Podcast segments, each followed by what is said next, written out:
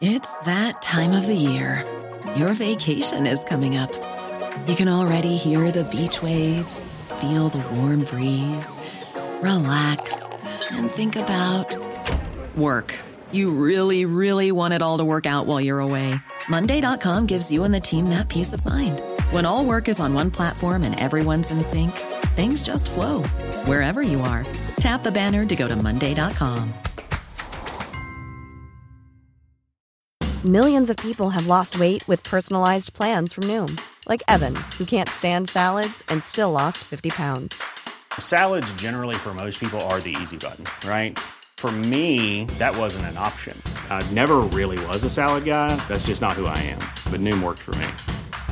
Get your personalized plan today at Noom.com. Real Noom user compensated to provide their story. In four weeks, the typical Noom user can expect to lose one to two pounds per week. Individual results may vary. Er så dumt, altså. Men eh, ja. nå, jeg, nå eh, kjennes det veldig greit ut. Nå høres Nå lyden bra ut. Ja.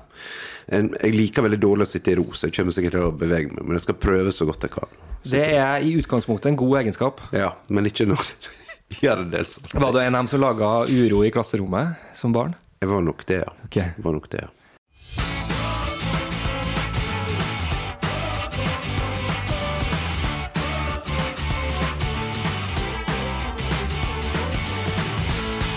Den populære venstreordføreren Alfred Bjørlo er valgt inn på Stortinget. Hvilken forskjell vil det bety å få en distriktspsykopat inn i næringskomiteen? Velkommen, Alfred. Tusen takk for det. Du har vokst opp på gård, stemmer det? Ja, det stemmer det. Jeg er voksen opp på gård gard på eh, Bjørlo på Nordfjordeid, så der jeg har, eh, har navnet mitt ifra. Nå skal det sies at jeg òg er voksen opp i en lærerfamilie, da. Så Mm. mine foreldre arbeidet som eh, lærer. Far min var rektor. Han er 90 år nå, ikke sant? Jo, Still 89. going stro- 89, still going strong. Ja, den holder en holder koken. Nordfjordinga er seigt krøtt, så det, var, det varer lenge. Men, eh, men jeg er voksen opp på gard, ja. Hvor mange ulike sertifikat eh, har du? da? Eh, altså, jeg tok traktorlappen da jeg var 16. Eh, så jeg kjører traktor til skolen eh, når jeg gikk på videregående. eh, så, eh, så det så jeg har, eh, Og det er jo rart med det, når du bor på gård, så har du jo kjørt traktor og brukt eh, motorsag, og det er fra eh, Ja, kanskje litt yngre enn du har sertifikater inne på, da. Så traktor og, og lappen til elbilen du kjører? Ja, traktor og motorsag. Ja, selvsagt eh, billappen og alt som hører med det. Nå kjører jeg bare elbil, ja. Men jeg er veldig glad i å kjøre bil. Eh, så jeg har aldri skjønt hvorfor bilfolk er skeptiske til elbil. For det er jo ingenting som gir så stor bilglede som å kjøre elbil. Eh, det akselererer jo, du får eh, kontakt med bilen på en helt annen måte. Så, jeg elsker å kjøre bil, og liker det enda bedre nå at vi har fått elbil. Du har på deg, som hør og bør, ei eh, frisk skjorte. Du er jo kjent for det. I dag, eh, for å beskrive litt for dere som lytter på, så er det litt sånn høsttema med noe løv og, og greier. Eh, I et eller annet sted i klesskapet ditt så ligger det ei T-skjorte der det står 'distriktspsykopat'. Eh, det er et kallenavn som du har vært med å bygge opp litt sjøl. Bakgrunnen var at du for et par år siden da skal ha blitt baksnakka av daværende venstreleder Trine Skei Grande. Du omfavna situasjonen og fikk altså trykt opp ei T-skjorte. Kan du ta oss litt tilbake til hva som skjedde? Ja, det var jo en litt sånn absurd eh, situasjon, hele greia da. Det var jo da det kokte rundt venstreledinga, og Trine var i hardt vær på mange måter. Og så hadde da VG fått tak i eh, interne anonyme kilder, som da påstod at hun hadde sagt diverse ting om folk i partiet i interne møter, og da annet da kaller meg eh, at eh, han Bjørlo er jo helt psykopat. Eh, nå kjenner jeg Trine så godt, hun er jo trønder og ganske røff i kjeften, og jeg tror ikke det her var meint som noe annet. Hvis hun har sagt det, så en litt sånn sleivete kommentar. Overhalla, det er jo nesten Nord-Norge, det, vet du. Ja, det er jo det, ikke sant? Så en må jo ta det med i bildet. Så jeg tok meg aldri noe, noe nær av det. Og jeg tror det som var Trine sitt poeng, var nok at jeg hang over venstre sentralt for å få det til å være tydeligere og tøffere i distriktspolitikken og vise at vi er et parti over hele landet. Sånn at da først dette der kom ut, så var det faktisk litt gøy å bare gjøre et nummer av det. Eh, og så var det vel kona mi som fikk den ideen at eh, eh, ja ja, men da bare får vi lage til noen T-skjorter. Og så var det ei åpning av en ny utestad på Nordfjordeid tilfeldigvis dagen etter at dette sto i VG. Så da kom jeg i den T-skjorta på den åpninga av utestaden, og da kom da NRK der, for de skulle da lage sak av det her at uh, Trine hadde katt med psykopat og greier. Så da kom det på en måte på Dagsrevyen uh, med T-skjorte med distriktspsykopat på, en smilende ordfører, så bare syntes dette var gøy. Og da, derifra tok det, tok det, litt, tok det litt, av, da. Men uh, selvfølgelig, altså det, det, er jo litt sånn i Tvende sin å gå rundt og bli kjent som psykopat, men jeg håper de fleste skjønner at det her her er ikke noe verre i enn at jeg kanskje har vært rimelig ivrig og heftig i å uh, forsvare betydninga av en god distriktspolitikk. Og distrikter, der må vi si at du har tyngde, hvis vi ser litt på, på tall. Altså, Du ble valgt som ordfører i det som da het Eid kommune for Venstre i 2011. Eh, Venstre fikk da nesten 44% oppslutning. Det er jo nesten rent flertall. I 2015 så fikk Venstre også et sterkt resultat uh, i Eid, med over 30% av stemmene, og du ble gjenvalgt. Du og Lena Landsverk Sande, som jeg smugtitta at du teksta litt med nå uh, i stad, uh, ordfører i Vanylven der også, har de siste åra vært de to eneste Venstre-ordførerne i landet. Så mens Venstre på mange måter har liksom tapt Vestlandet, mm. som tidligere var en stor bastion, så har dere klamra dere fast ved Stad og fått en enorm oppslutning. Hva er hemmeligheten? Ja, altså Det er litt sånn um, eh, Hva er hemmeligheten? Eh, jeg vet ikke om jeg kan svare kort på det, men eh, jeg ble intervjua nå i høst av uh, han, uh, Jon Hustad i Dag og Tid, som er en ganske skarp journalist. Mm. Og Han hadde overskrift på det intervjuet som egentlig var steikende bra. Han skrev at 'det nye Venstre er det gamle Venstre'. Ja. og det er egentlig ganske godt sagt. fordi at jeg tror at det vi har klart å holde på her, er det som for meg er liksom selve venstresjela. Altså, vi har alltid vært et miljøparti, vært opptatt av miljø og skole. Men dette her at vi bygger samfunn nedenfra. Vi heier på de som skaper verdier, på entreprenørene, på småbedrifter. Og, og det er jo det her særskilte vestlandske. Altså Vestlendingene, og spesielt distriktene på Vestlandet, vi lever ikke av staten, men vi lager av de bedrifter og produkter og alt vi finner på, og skaper krafta som er her. Så det at Venstre skal være nummer én-partiet for alle som vil få til noe og eh, bygge ting nedenfra i, eh, utover i distrikta, det tror jeg kanskje noe av det vi har greid å holde på. Eh, som jeg er nå opptatt av å ta videre og virkelig ta tilbake denne posisjonen som et næringsparti for Vestlandet. Ja. I 2019 så ble du kåra til årets kommuneprofil. Det var da juryen til Kommunal Rapport, som er et slags, slags avis da, for Kommune-Norge som, eh, som, ga deg prisen. Og de begrunna det med at du har markert deg nasjonalt som en kritisk og optimistisk talsperson for distriktene. Og nå sitter du altså i næringskomiteen på Stortinget. Du er liksom Nordvestlandets uh, mann der nå. Hvordan vil du bruke den posisjonen i tida framover? Det, det, handler for meg om å for så vidt bygge videre på det jeg har prøvd å gjøre og prøvd å få til som, eh, som ordfører. Og, altså det der med å være både kritisk mot makta, men samtidig framtidsoptimistisk, det har ligget veldig sånn under for meg at eh, vi må være begge deler. For vi må tørre å ta noen tøffe oppgjør med sentralmakta i Oslo når det er nødvendig. Og det er nødvendig, og kommer til å bli nødvendig fortsatt. Og det merker jeg jo bare nå de første ukene kommer inn på Stortinget. Eh, det er jo enormt hvor det har blåst opp og vokst opp hele det her sentralbyråkratiet i, i Oslo. Okay. Altså, ta bare Stortinget seg sjøl. Det er 165 stortingsrepresentanter. Vi er fra hele landet, og det er greit. Men i Stortinget jobber det altså 700 personer til. Det er et apparat under på 700 personer som har vokst og vokst og vokst. Tilsvarende finner du i departementer, i direktorater. Sånn at det å snakke om at det er en sånn maktboble i Oslo, det mener jeg er helt reelt. Helt reelt. Ja. Du har jo litt sammenligningsgrunnlag, for at du uh, har vært rådgiver, ikke sant? Var det for Lars Bonheim? Ja, både for Lars Bonheim og senere for Toril Skogsholm, som var samferdselsminister for en god del år siden. Ja. Akkurat. Du mener at du har est ut eh, med folk og, og, makt i Oslo-bobla siden da? Ja, voldsomt. Eh, egentlig, oh, eh, det har ikke slått meg hvor mye det, det har est opp før jeg nå faktisk kom inn i det systemet sjøl. Eh, og, og, det er klart, og det er veldig sånn, vanskelig å gjøre noe med, men det preger på en måte hele mindsettet, for å si det på godt nynorsk.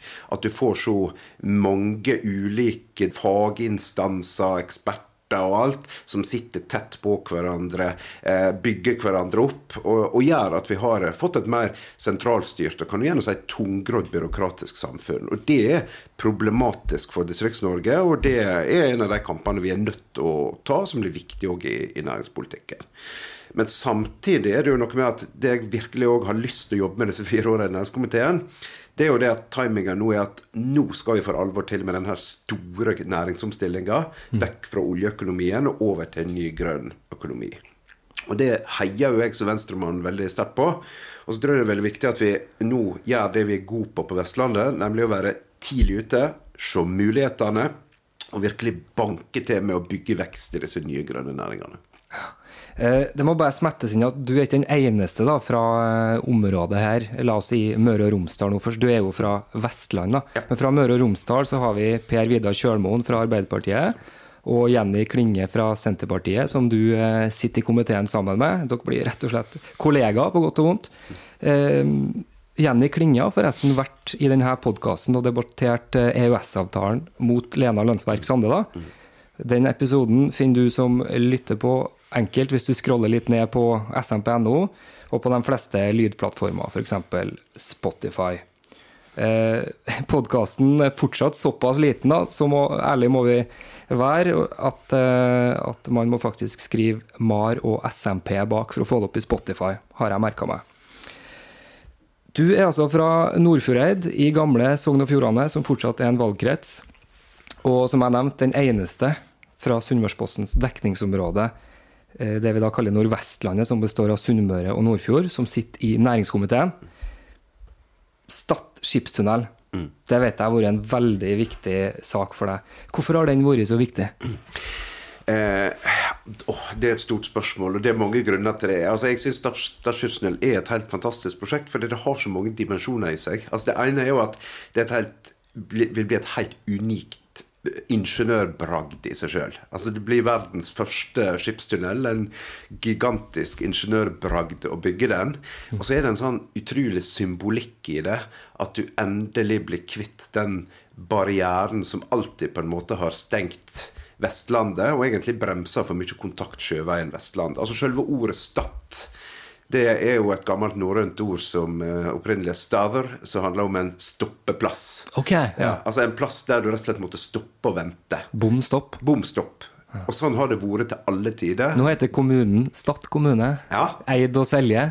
Det er riktig. Ja. Så vi har, tatt, vi har, tatt det der Stader, gamle Stader-navnet, eh, mm. som alle for så vidt kjenner, for alle har hørt det på værmeldinga og alt som er. Men i fall, poenget er at Stad har alltid vært den her eh, barrieren på Vestlandet. Gamle, vi har jo enda en plass på Stad som heter Dragseide, der vikingene drog båtene over.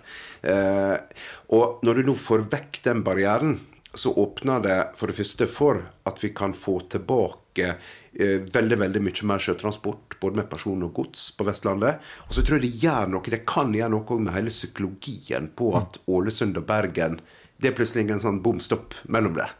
Eh, og så håper vi jo alle vi skal få bygge ferjefri E39 og veier og slike ting. Men realistisk sett kommer det til å ta ganske mange år før det er ferdig.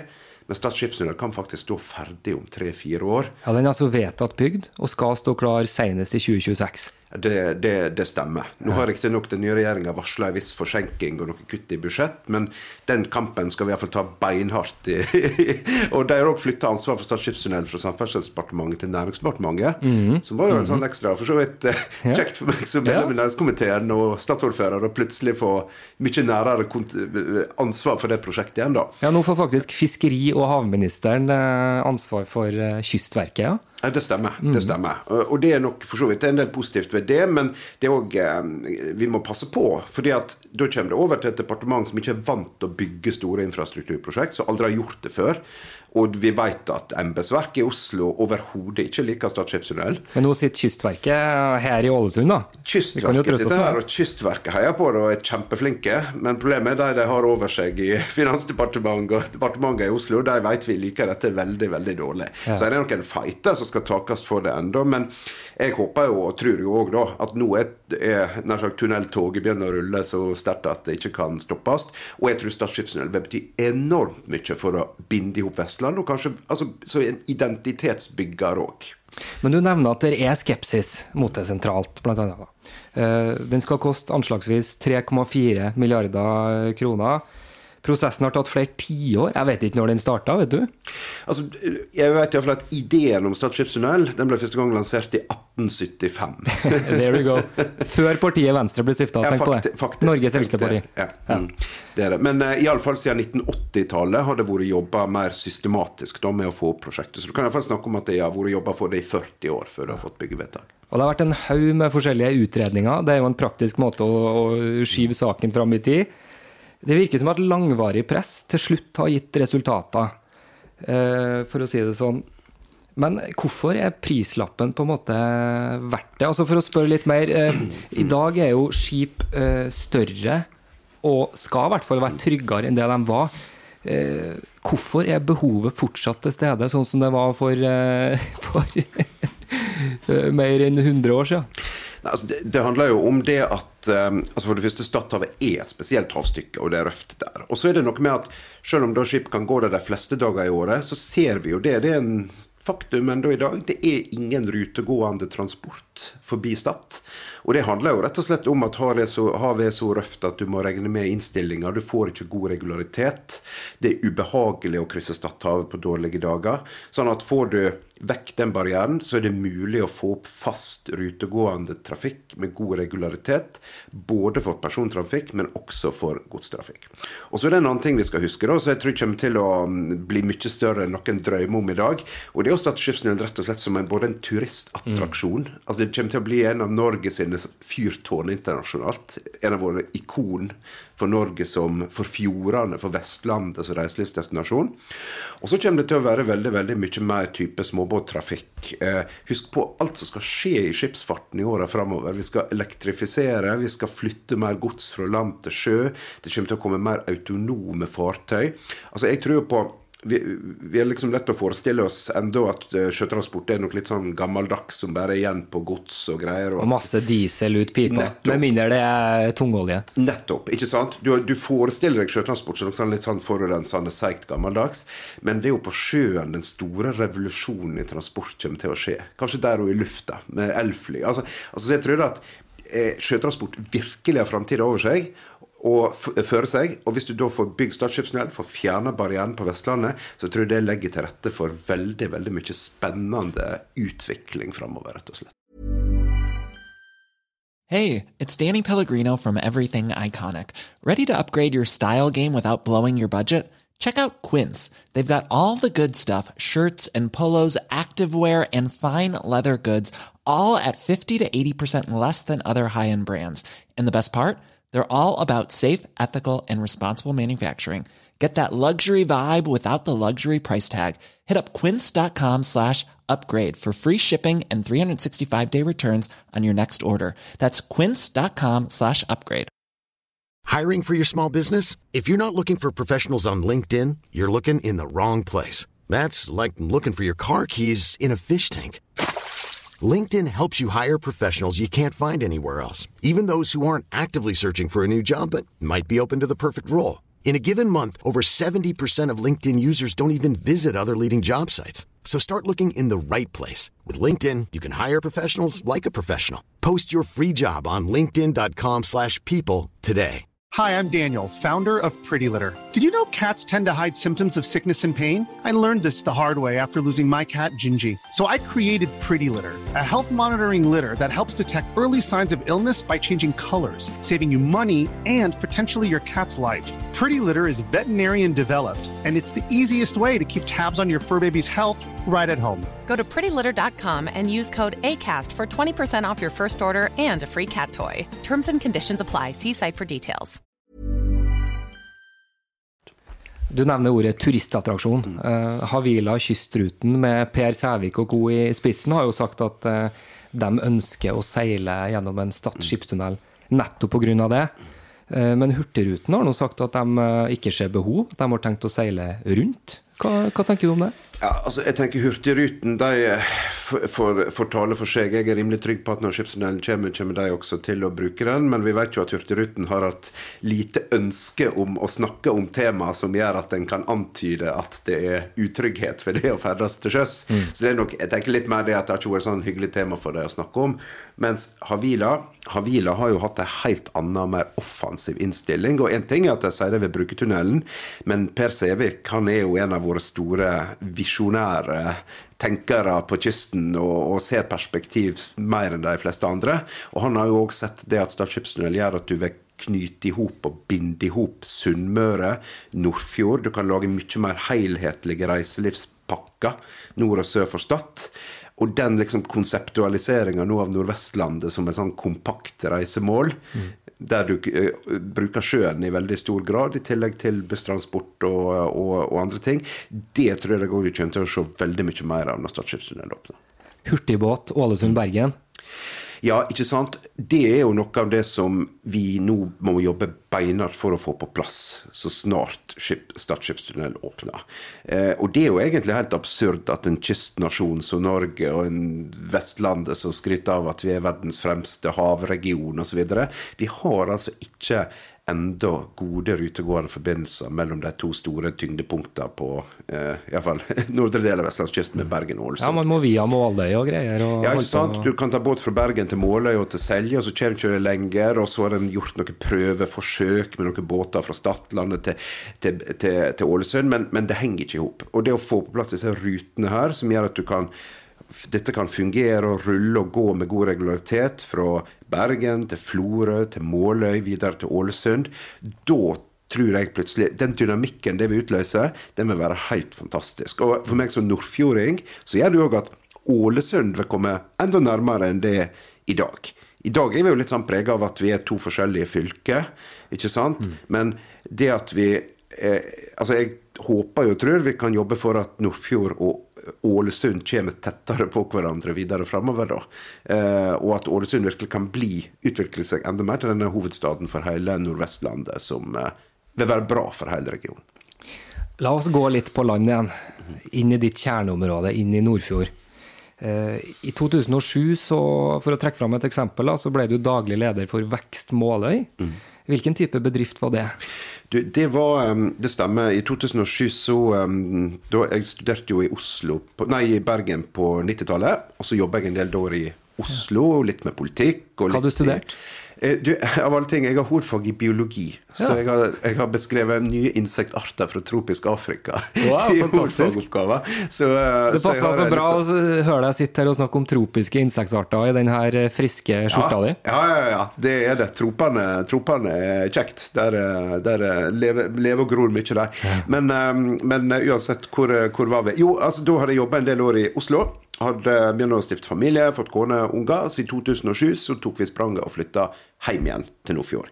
Og Måløy Vekst det var da rett og slett et næringsutviklingsselskap som kommun, Vågsøy kommune og næringslivet i Måløy hadde gått sammen om for å få nyskaping, innovasjon i en næringslivsby som da hadde vært gjennom en del litt tøffe runder med tap av arbeidsplasser i fiskeindustrien, verft osv. Så, videre.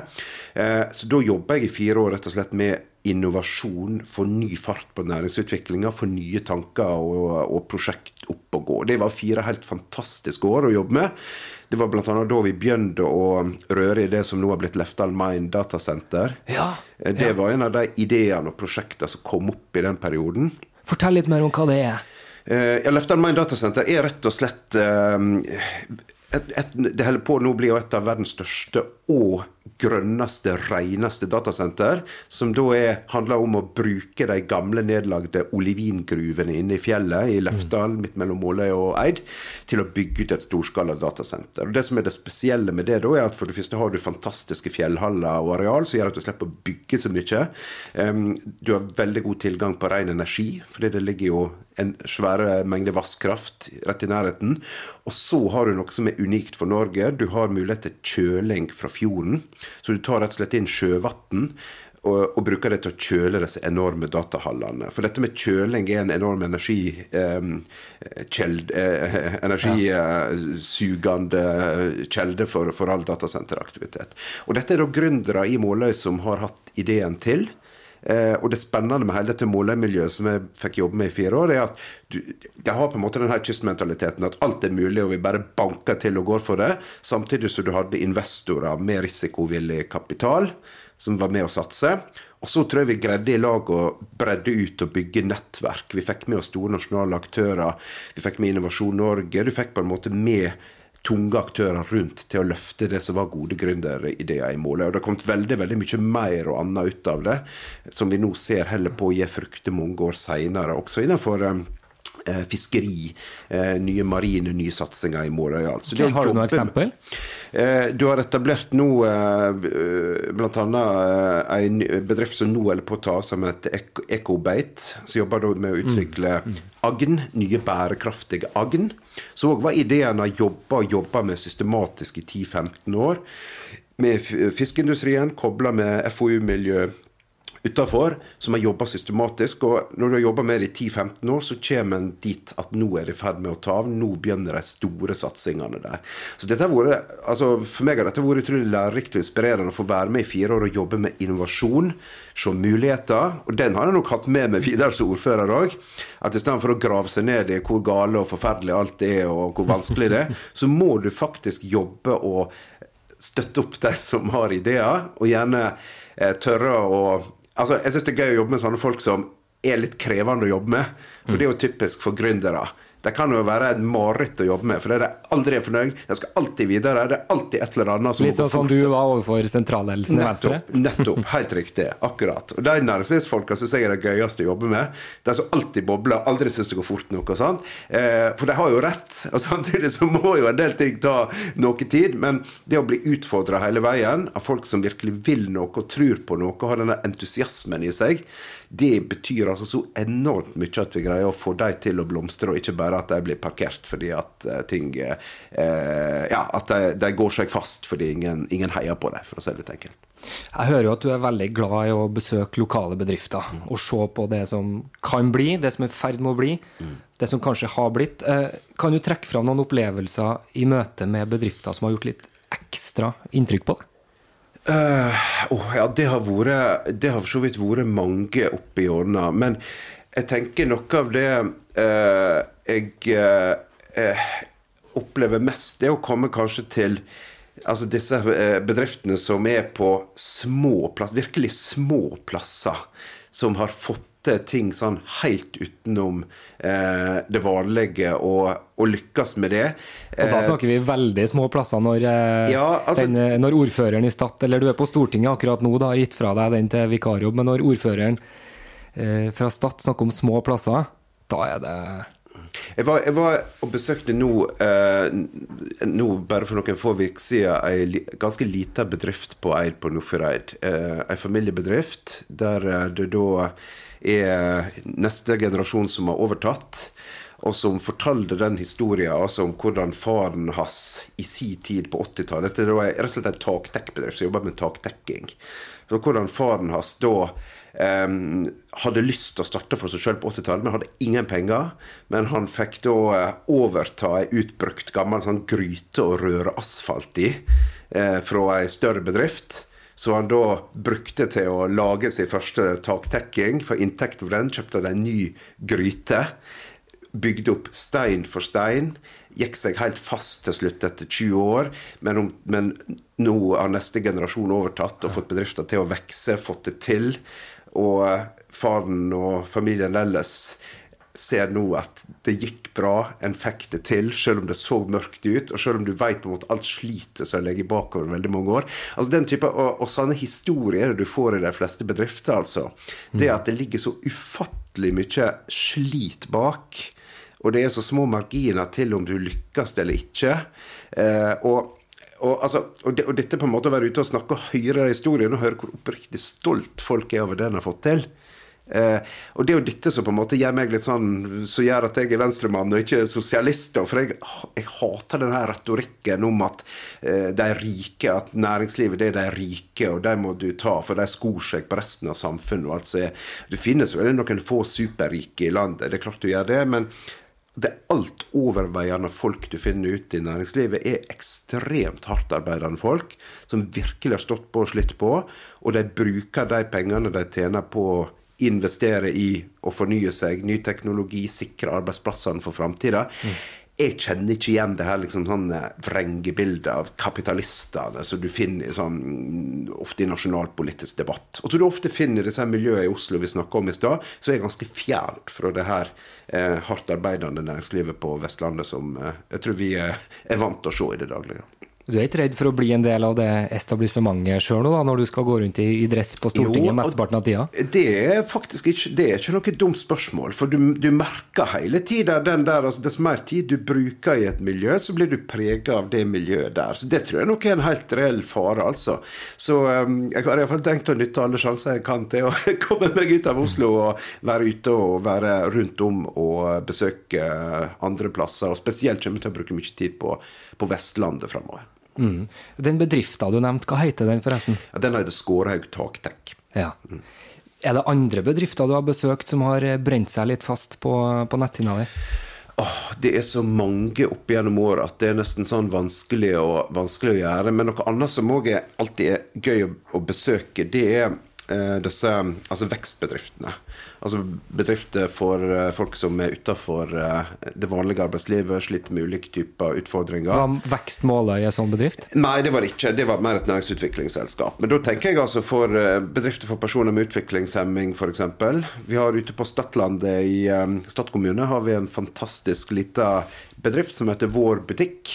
Som er rett og slett en, et lite bakeri. Som er der det jobber folk med mennesker med psykisk utviklingshemming. Eh, som jobber i lag med en proff baker som har satt ting i system. Men der da eh, unge folk med psykisk utviklingshemming har en god arbeidsplass. Der en får møte folk, får lage skikkelige ting, får være med å selge det. Får være på en måte en aktiv del av et lokalsamfunn, og ikke bare nær sagt være stua vekk for seg sjøl.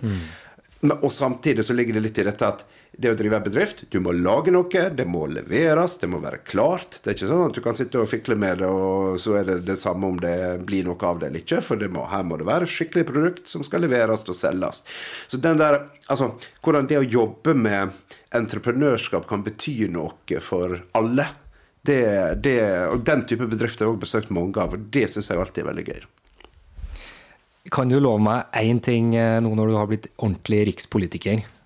Ikke drive og snakke om vanlige folk. det har jo blitt en, blitt en epidemi. ja, det, er, det, har virkelig blitt det. Men det er jo snart blitt en sånn parodi. For nå er det jo sånn at nå er jo Jeg vet ikke hvem som ikke er vanlige folk lenger. Nå er det Jeg tror det skal være ganske uvanlig for ikke å være vanlige, vanlige folk lenger. Men det har blitt et ganske sånn innholdstomt ord. Men folk er iallfall folk. Og folk må få lov å være uvanlige òg. Jeg tror vi skal ja. være glad for at det finnes ganske mange uvanlige folk. Så jeg tror vi skal heie litt på de uvanlige folka òg. Det må vi få lov til, både jeg og du, Alfred. Helt til slutt, eh, det viktigste produktet i hele verden, nemlig mat. Jeg har lyst til å bare spørre fort om det. Det har blitt en liten tradisjon her i MAR. Har du noen spennende middagsplaner denne uka her? Oi, um, godt spørsmål. Nå er jo jeg begynt å leve dette litt sånn rare hybellivet i Oslo, da. Litt som at du har blitt student igjen? Ja, faktisk. Det er litt grann eh, sånn der. Eh, sånn der student kombinert med at du har ei jobbkantine der du av og til får, får, får billig mat. Så, Stortingskafeen, ja? Nei, Stortingsrestauranten heter i, den. sto, I Stortingsrestauranten. Den er jo legendarisk. Ja, den er jo det, da. Den er jo det. Den er jo mye forskjellig for så vidt. Ja, det kan sies mye om maten der, men det er iallfall en veldig det er bra atmosfære der, i det minste, i det minste da. Men eh, det, men middagsplaner, iallfall når vi skal hjem igjen, eh, så er det jo å lage noe godt i lag med kona mi av hjortekjøtt. Hjortekjøtt fra Eid, eller? Ja, fra mm. Bjørlå. Eh, Helt lokal hjort. Og så har vi òg lokale poteter som vi dyrker sjøl. Og så har da det store prosjektet vårt i sommer, eller nå sier jeg vårt, egentlig mest kona mi sitt prosjekt, det er kjøkken, en skikkelig kjøkkenhage der vi har dyrka svære squash. Og det står enda nå ute i november ute sånn grønnkål som er grønn og fin enda. Så det å liksom nå lage en skikkelig god middag av hjort, potet, grønnkål, alle lokale råvarene, det, det tror jeg iallfall blir det neste sånn skikkelige middagsprosjektet. Men, eh, så da får jeg leve på litt sånn enkel studenthybelkost i Oslo, og så spare til de gode middagene hjemme. Da får du ha lykke til både med stortingspolitikken og grønnsaksdyrkinga. Tusen takk for nå. Vært veldig hyggelig å være. Takk for at jeg fikk komme.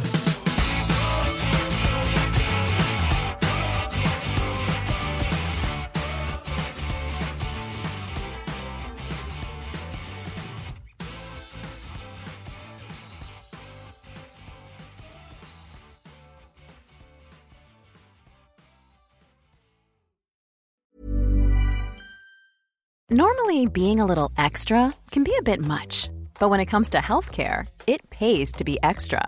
And United Healthcare makes it easy with Health Protector Guard fixed indemnity insurance plans. Underwritten by Golden Rule Insurance Company, they supplement your primary plan, helping you manage out of pocket costs without the usual requirements and restrictions like deductibles and enrollment periods. So when it comes to covering your medical bills, you can feel good about being a little extra. Visit uh1.com to find the Health Protector Guard plan for you.